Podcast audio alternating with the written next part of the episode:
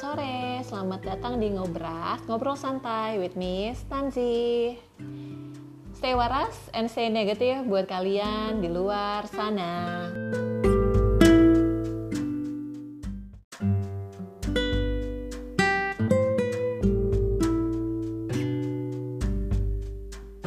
Zaman sekarang yang namanya kebebasan untuk memilih atau freedom of choice itu merupakan hal yang lumrah dan prakteknya itu bisa dilakukan, tidak sesulit zaman dulu.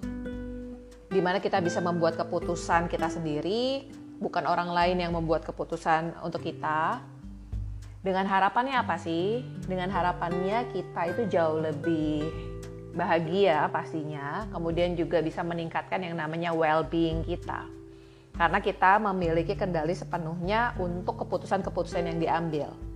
Hal ini juga muncul di pasar ekonomi, di mana banyak banget produk dengan range variasi range produknya itu yang besar sekali dari yang produk yang umum sampai yang niche. Niche itu maksudnya yang spesifik gitu ya, marketnya nggak banyak, cuma ada produknya. Dengan harapan mereka itu bisa menjangkau beragam jenis customer. Jadi bukan yang umum-umum doang, yang yang seleranya itu agak-agak nyentrek pun produknya itu juga ada. Keren kan?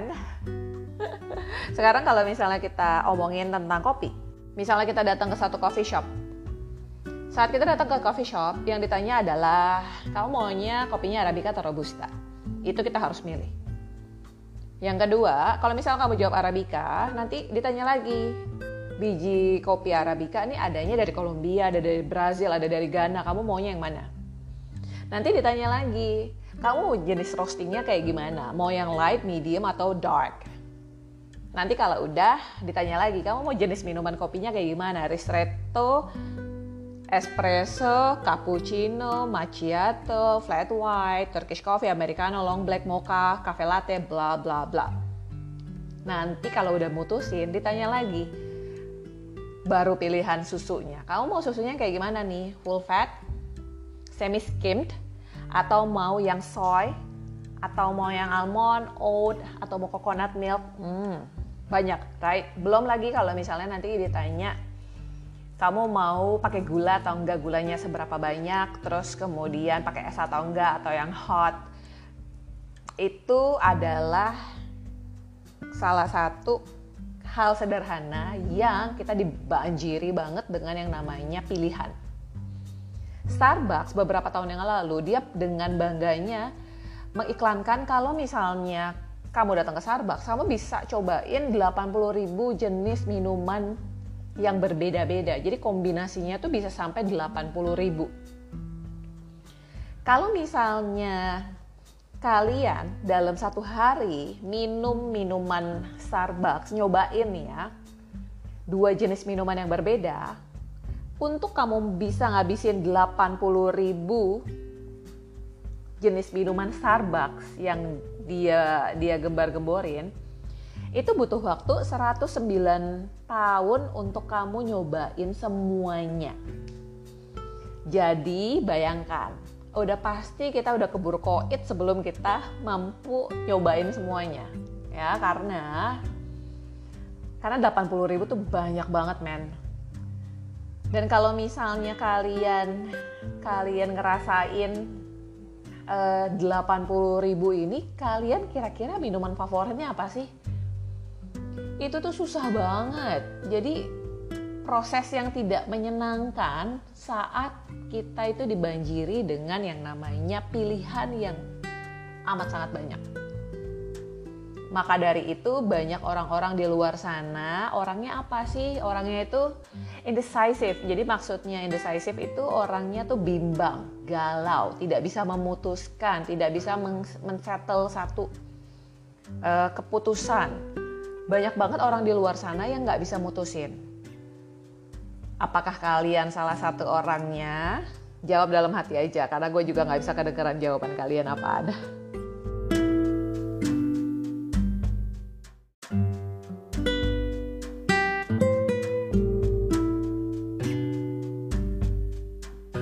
zaman sekarang yang namanya orang yang bimbang atau galau, indecisive person, atau konteks di sini adalah orang yang susah banget untuk mutusin, itu banyak banget. Makin banyak orang-orang yang terjebak dalam uh, behavior yang seperti ini. Salah satu alasan terbesarnya adalah ini merupakan kombinasi antara terlalu bimbang karena kebanyakan option. Yang kedua, orangnya adalah orang yang perfeksionis. Jadi suka terlalu mikir, jadi overthinking. Kemudian yang terkait lagi adalah takut untuk melakukan kesalahan. Jadi sifat seperti ini atau sikap seperti ini tidak hanya muncul saat kalian diminta untuk mengambil keputusan-keputusan yang penting aja, cuma ini muncul dalam kehidupan sehari-hari. Pasti ada deh teman kalian yang kayaknya aduh keputusan kecil aja kok susah banget sih mutusin. Itu cuma antara lu mau makan apa? Kalau nggak besok mau ke mana? Kita jadinya mau ngapain? Kalau nggak lu tuh e, gimana sama cowok ini atau sama cewek ini hal-hal yang sifatnya bukan masalah hidup dan mati aja, itu tuh susah banget. Ada orang yang seperti ini. Mungkin kalian adalah orang yang termasuk kategori indecisive, ya. Kalian harus bisa lebih memahami lagi nih, kenapa ya orang bisa bisa sulit banget mutusin hal-hal sederhana aja kayak misalnya kita lagi datang ke supermarket gitu ya kita lagi mau beli susu nih. Susunya mau kayak gimana sih? Susu apa sih yang mau dibeli? Apakah kita mau beli susu almond kemudian susu soy atau mau beli non fat atau susu kambing susu sapi atau mau rasanya rasa coklat rasa strawberry? Banyak banget optionnya. Serius banyak banget. Belum lagi kalau misalnya kalian kesel ice cream ya. Misalnya ice cream kalau misalnya kita ke Soul Ice Cream, kita senang banget kan ngeliat kayak wow banyak banget pilihannya, rasanya lucu-lucu, nggak tahu nih mau milih yang mana gitu kan. itu sering banget sih. Itu bikin kita kayak, aduh bingung banget harus milih yang mana nih soalnya rasanya ada 25 rasa, ada yang udah gue cobain, ada yang belum gue cobain. Salah satu pengarang buku yang namanya Barry Schwartz, dia ngarang buku judulnya The Paradox of Choices. Di sana dia jelasin kalau misalnya dia datang ke satu, uh, ini satu uh, info ya, uh, es krim yang punya rasa 24 rasa yang berbeda sama es krim yang hanya punya 10 rasa yang berbeda. Orang itu lebih tinggi pembeliannya atau purchase-nya itu di mana es krim itu menjual varian rasanya lebih sedikit daripada yang terlalu banyak. Karena orang itu biasanya jadi bingung. Saat orang itu jadi bingung, optionnya terlalu banyak, buntut-buntutnya mereka, aduh nanti dulu deh, nggak jadi beli. Itu yang dituangkan dari buku ini, yang ada di buku ini, The Paradox of Choice, Choices kalau misalnya kita punya banyak option, punya banyak pilihan, itu tuh awalnya kayak nyenengin kan, simulating, kayak bikin kita kayak oh senang, exciting gitu loh. Kenapa? Karena kita punya banyak pilihan nih, alternatif pilihan dan kita penasaran kan. Ada apa aja ya? Minimal itu di mata sama di hati itu bikin kita kayak agak wow, senang gitu loh. Tapi saat kita ngerasain seneng ini, yang muncul bukan hanya seneng tapi kita ngerasain sense of freedom kita ngerasa kayak ah gue dikasih kebebasan nih buat memilih gue dikasih otonomi nih untuk memilih karena kita tidak hanya dikasih pilihan yang sedikit cuma banyak jadi Kenapa orang-orang di luar sana suka banget kalau misalnya banyak pilihan? Karena kita ngerasa kayak kita itu dikasih kuasa untuk memilih. Tapi apakah betul kalau misalnya kesenangan ini akan berbanding lurus dengan yang namanya psychological well-being? Ternyata banyak penelitian yang menyatakan sebaliknya. Justru terlalu banyak option itu bikin psychological well-being orang itu turun, ngedrop sama persis kayak misalnya kita datang ke stall es krim tadi gitu ya. Es krimnya jualan misalnya 25 rasa yang berbeda. Which is bikin kita kayak exciting banget nih. Aduh seneng banget nih minimal di IG story gitu kan. Tapi kalian ngerasa gak setiap kali kalian memesan sebenarnya kalian pesen atau orang kebanyakan itu pesannya itu rasa yang bukan yang dulu pernah ada. itu beda lagi.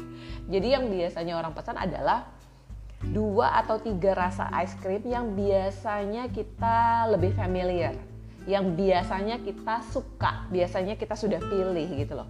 Jadi instead of kita cobain hal baru, biasanya kita akan berpola dengan memilih sesuatu yang familiar di kita. Cuma kenapa sih kita ini butuh banget atau ngerasain uh, apa ya? Kita senang banget nih kalau misalnya ada banyak pilihan. Padahal yang dipilih itu tuh aja, jenisnya itu tuh aja, preferensinya itu tuh aja. Kita selalu berakhir dengan uh, rasa yang kita percaya kalau itu udah pasti enak, rasa yang favorit kita, tapi bolehlah sesekali kita cobain hal yang baru gitu loh. Tapi biasanya keseringannya pola yang muncul adalah kita memesan rasa yang udah bikin kita nyaman karena kita udah tahu, udah kenal rasanya.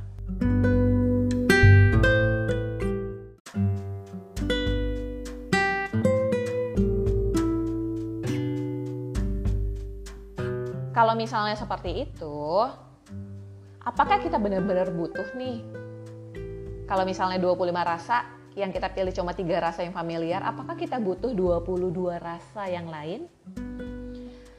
Kalau dipikir-pikir ya, itu tuh cuma bikin kita senang aja sesaat. Minimal di mata itu kan warna-warni gitu ya kesannya wow banyak option.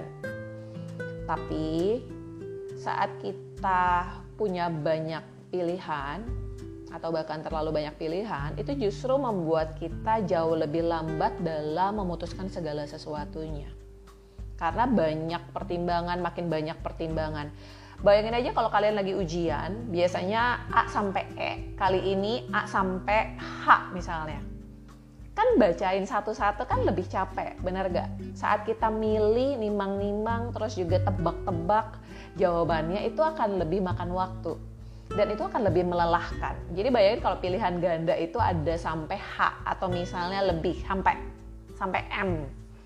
Kebayang nggak sih kalau kita dikasih 50 soal tapi optionnya itu banyak banget. Itu kan bikin kita capek, right? Dan kemungkinan kita gagalnya itu juga lubah e, lebih tinggi. Kalau misalnya kita A sampai D saat kita memilih satu e, perbandingan kita tuh 25% kalau misal A sampai D untuk berhasil. Tapi kalau misalnya A sampai M misalnya, wah kecil kan, makin kecil kan kemungkinan kita untuk berhasil tuh makin kecil, untuk sesuai, untuk jawabannya benar itu makin kecil. Itu yang membuat orang-orang yang gampang bimbang, yang suka galau, tidak bisa mutusin, itu terjebak dalam pola yang seperti ini. Kalau misalnya terlalu banyak pilihan, apa sih yang bisa bisa terjadi. Yang pertama, kita akan mengalami yang namanya choice overload. Jadi kayak terlalu banyak pilihan itu bikin kita kayak bingung.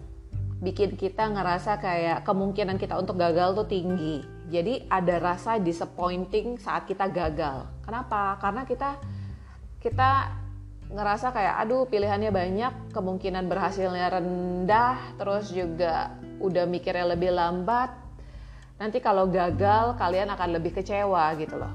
Itu itu muncul, itu bisa muncul.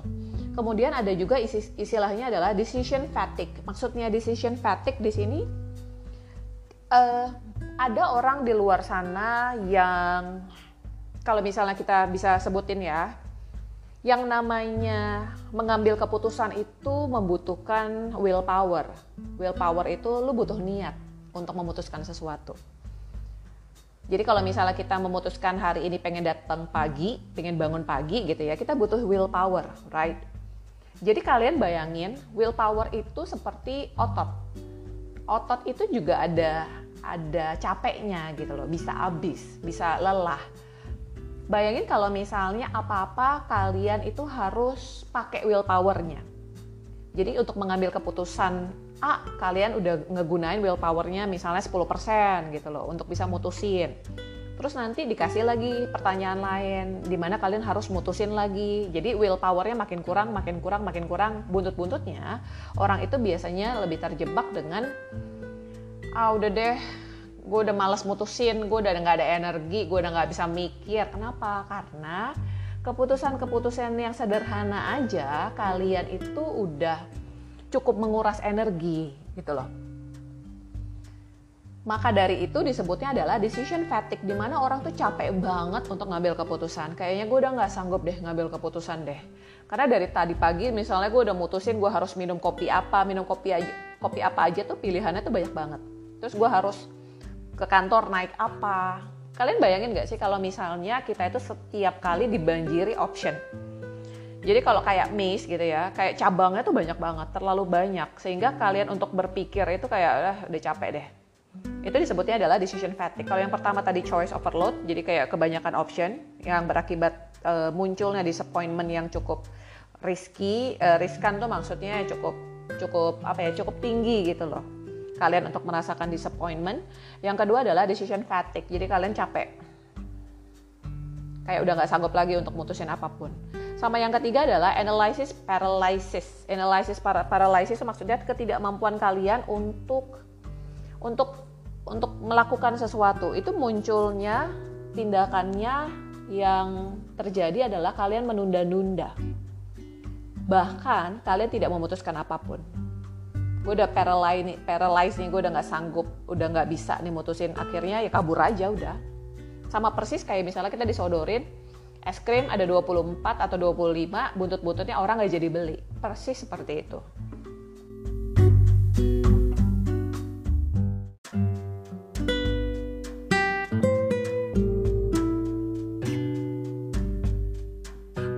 Untuk episode kali ini disponsori oleh kopi cinnamon robusta. Kopi cinnamon robusta merupakan minuman kopi segar siap minum yang menggunakan biji kopi berkualitas dan bahan-bahan bermutu lainnya yang menjadikan kopi cinta cocok diminum setiap saat. Total variannya itu ada 11 rasa. Dikemas dalam botol kaca, jadi bukan botol plastik ya teman-teman. Kenapa sih harus pakai botol kaca? Untuk menjaga cita rasa minumannya itu makin nikmat dan awet karena minuman ini itu tanpa bahan pengawet. Kopi cinnamon robusta ini kopi nyaman dalam kemasan botol aman. Azik ya, enak ya tagline-nya ya. Rasanya apa aja sih? Rasanya ini ada 11. Oke, okay, ready? Dengerin ya. Siap-siap kalian nanti mau milih original latte, cinnamon robusta, Brazilian specialty, butter coffee, cafe mocha, Vietnam drip, Aisukohi, double choco ice, choco mint muffin, black forest ice, Thai tea. Keren kan? Banyak banget loh dan rasanya tuh lucu-lucu. Aku udah cobain sih. Aku pribadi udah cobain black forest yang ice. Kemudian pernah juga cobain yang original latte. Dua-duanya enak dan uh, kalau misalnya kalian ngerasa kayak ah aku nggak mau nih pakai susunya susu sapi gitu. Misalnya kalian kalian tuh orangnya vegan kalian boleh banget untuk DM atau WA ke mereka untuk minta yang non dairy juga boleh. Atau misalnya request kayak kalian mau pakai soy atau almond uh, milk juga boleh. Oke? Okay? jadi buat kalian apa nama IG-nya at kopi cinnamon robusta. Ya? Jangan lupa langsung di order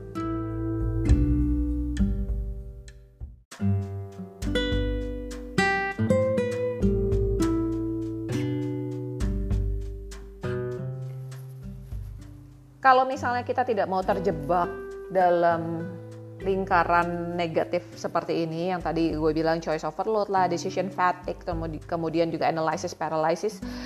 Jadi orang harus gimana sih? Ada empat yang bisa kita lakuin. Yang pertama adalah kita harus ngecilin yang namanya pilihan kita. Kemudian kita mencari sesuatu yang sifatnya sederhana. Jadi kita menyederhanakan pilihan kita. Itu bahasa istilah sederhananya ya. Jadi yang harus kita lakuin adalah pertama, kita udah tahu nih kalau misalnya terlalu banyak option itu bikin kepala kita mumet, betul? Yes. Kalau begitu, kita besok-besok kita coba nih untuk menyederhanakan prosesnya. Misalnya kalau kita datang ke satu restoran, kita pilih restoran yang menunya nggak terlalu banyak menunya nggak terlalu banyak karena in my opinion ini pendapat gue sendiri ya. Kalau ada dua restoran satu menunya cuma ada 10 satu menunya ada 50 sampai 100 gue pribadi akan lebih milih menunya yang sedikit. Karena saat gue datang ke sana gue yakin kualitas mereka pun jauh lebih bisa terjaga karena mereka fokus. Menunya sedikit right? Kemudian saat mereka milih menu yang sedikit, gue cukup yakin itu adalah ekspertisnya mereka, makanan makanan signaturenya mereka. Tapi kalau misalnya gue datang ke satu restoran, 50 menu yang berbeda di mana di situ ada Middle Eastern lah, ada Asia lah, ada Western lah. Itu bikin gue jadi bertanya-tanya sebenarnya jagoan lu tuh yang mana sih menunya gitu loh. Kalau misalnya jagoan lu cuma yang Middle Eastern, kenapa lu harus ada Asian gitu loh. Apalagi kalau misalnya Asiannya nggak enak-enak banget. Nah, itu itu kalau gue pribadi itu gue juga punya temen yang berpendapat hal yang sama. It's good kan kalau misalnya optionnya sedikit itu itu akan lebih lebih mudah buat lo dalam mengambil keputusan. Kemudian kalau misal kalian mau belanja kita tuh punya kecenderungan untuk belanja di tempat yang gede banget. Gede banget di mana mereka punya semua. Tapi saat kita tahu kita hanya mau belanja yang esensi-esensi aja pilih aja smaller supermarket di mana mereka tuh yang yang sudah pasti mereka punya ya pasti ya basic home essentials. Daripada kalau misalnya kita datang ke satu tempat yang gede banget butut-buntutnya kita jadi lebih lama gitu ya yang proses belanjanya harusnya kita cuma beli sampo sabun dan sama sama misalnya minuman, minuman sirup atau apa pun itu. Jadi kita akan ngabisin waktu lebih lama lagi untuk membeli sesuatu yang bahkan tidak esensi. Gitu loh. Jadi menyederhanakan sesuatu, menyederhanakan option merupakan hal yang bisa kita lakukan. Bisa kita kontrol prosesnya dari awal. Itu kenapa orang-orang yang menyebut dirinya minimalis, minimalis itu kan e, merupakan lifestyle yang baru ya, di mana mereka hanya memiliki barang-barang yang benar-benar penting aja. Banyak orang yang bilang kalau minimalis, orang-orang yang minimalis itu memiliki pikiran yang jauh lebih jernih daripada orang-orang yang non minimalis. Kenapa? Karena mereka lebih fokus, mereka punya yang penting-penting aja, tidak terdistract dengan hal-hal lain kayak misalnya saat kita memiliki banyak barang kan kita harus bersihin kita butuh extra effort dan waktu juga untuk untuk ngurusin barang-barang lain yang sebenarnya juga nggak terlalu esensi. Itu adalah tips yang pertama.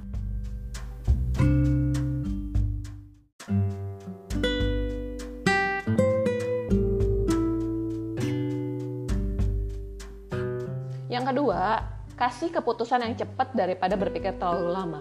Banyak orang yang bilang Rai kayak misalnya ada kuis-kuis di mana lu harus jawab cepet-cepetan. Karena biasanya yang saat pertama kali muncul di otak lo itu adalah sesuatu yang jauh lebih jujur daripada saat lu memilih lama, mikir lama. Itu biasanya proses e, memutuskannya itu sudah banyak intervensinya. Jadi kalau misalnya kita nonton Netflix gitu ya, Netflix series kita kira-kira mau nonton apa ya? Kalau misalnya kita terlalu lama mikir, atau kita scrolling bolak-balik bolak-balik kurang lebih 10 sampai 15 menit, biasanya kita itu kita sudah ngebuang waktu kita loh. Kita udah bener-bener ngebuang waktu kita kurang lebih ya tadi 10-15 menit. Butut-bututnya apa nggak jadi nonton.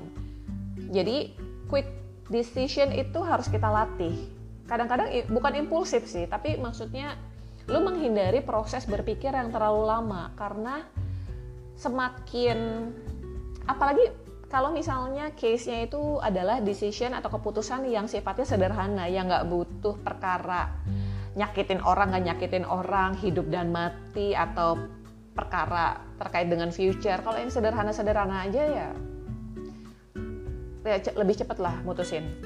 Nggak usah terlalu banyak dipikir. Karena sekali lagi yang tadi gue bilang, di decision fatigue, inget setiap kali kita ngambil keputusan, kita ngebutuhin willpower. Willpower itu ibaratnya seperti muscles. Semakin kita pakai, semakin melelahkan, semakin berkurang willpowernya sehingga at some point nanti kita bisa jadi kita udah nggak nggak mau mutusin, kita udah nggak ada energi untuk mutusin. Jadi untuk hal-hal yang sifatnya sederhana, udah deh lebih cepat aja untuk mutusin, nggak usah berpikir terlalu lama. Apalagi kalau misalnya itu tidak terlalu esensi.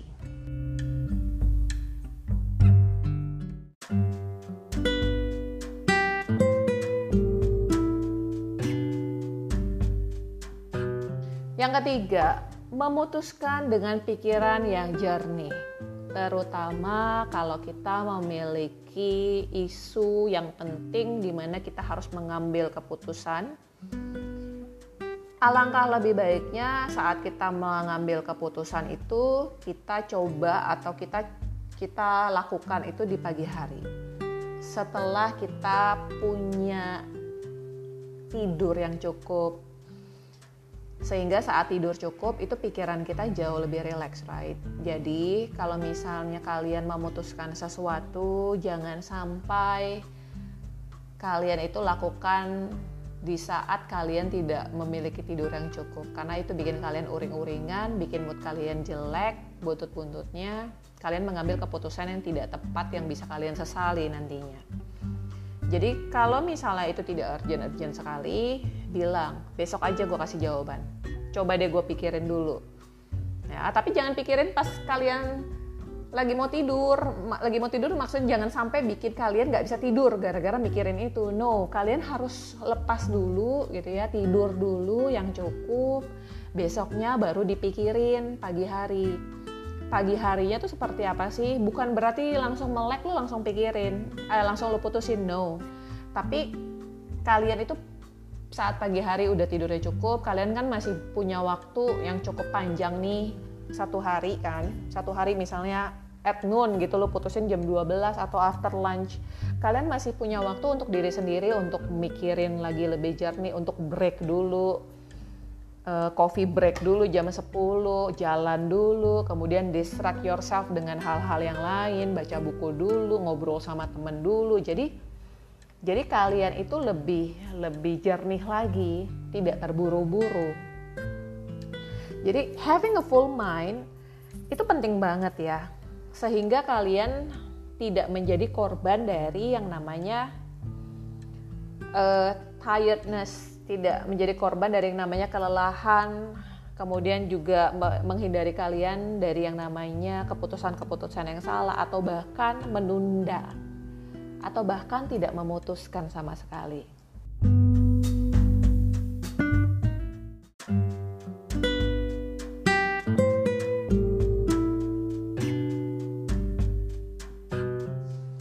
Yang keempat, ini menurut gue yang paling penting yaitu mengizinkan diri kita untuk membuat kesalahan. Karena khususnya untuk orang-orang yang perfeksionis, saat mereka diminta untuk mengambil keputusan, ada perasaan takut dalam membuat kesalahan. Makanya kita cenderung untuk menunda atau bahkan tidak memutuskan atau malah memutuskan cuma hasilnya itu malah tidak sehat. Jadi jadi istilahnya itu kalian tidak efektif dalam mengambil keputusan. Yang harus diingat, dan ini sering banget gue ulang-ulang di podcast gue adalah kita ini semua human beings dan kita bisa membuat kesalahan, right? Itu berkaitan erat banget dengan dengan yang kemarin sempat gue omongin yaitu tentang sorry not sorry, minta maaf, right? Semua orang membuat kesalahan. Kenapa sih kita nggak nggak nggak apa ya nggak bisa lebih lega hati lebih legowo untuk menerima kesalahan kita sendiri gitu loh.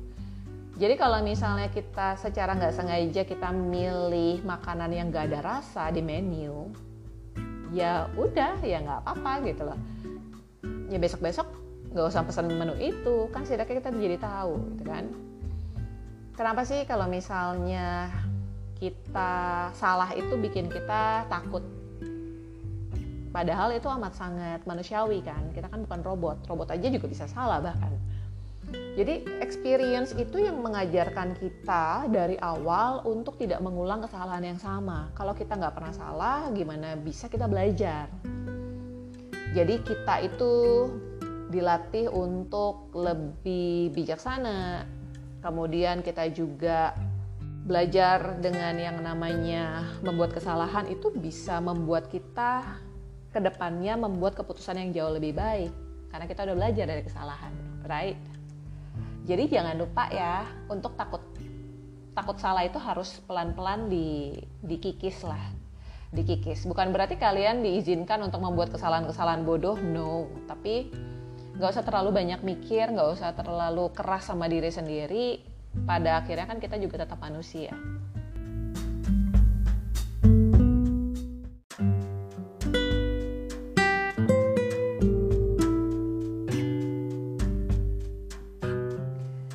namanya orang-orang bimbang, indecisive person itu banyak banget ke sini. Makin ke sini makin banyak. Kenapa? Karena option di luar sana makin lama makin banyak. Betul ya? Itu muncul banget dalam kehidupan kita sehari-hari.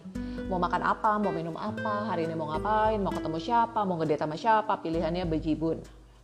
Tapi kita itu harus bisa memaksimalkan freedom of choice-nya kita kebebasan kita untuk memilih, tapi jangan sampai itu malah jadi bumerang buat kita sehingga kita jadi kayak, ha, jadi nggak maju-maju gitu loh.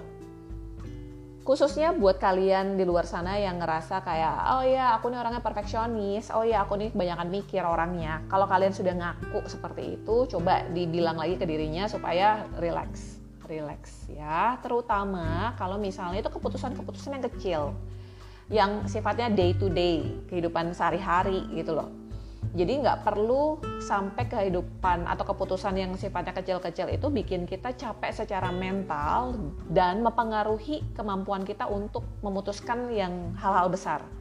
Jadi ibaratnya kalau ada senapan itu kalian simpan dulu deh pelurunya untuk untuk nembakin ke hal-hal yang lebih besar gitu loh. Jadi energinya disimpan supaya nanti kalian saat harus memilih keputusan yang jauh lebih beresiko kalian kalian masih ada energi gitu loh. Jadi penting banget buat kita untuk memiliki hubungan yang sehat dengan yang namanya proses decision making.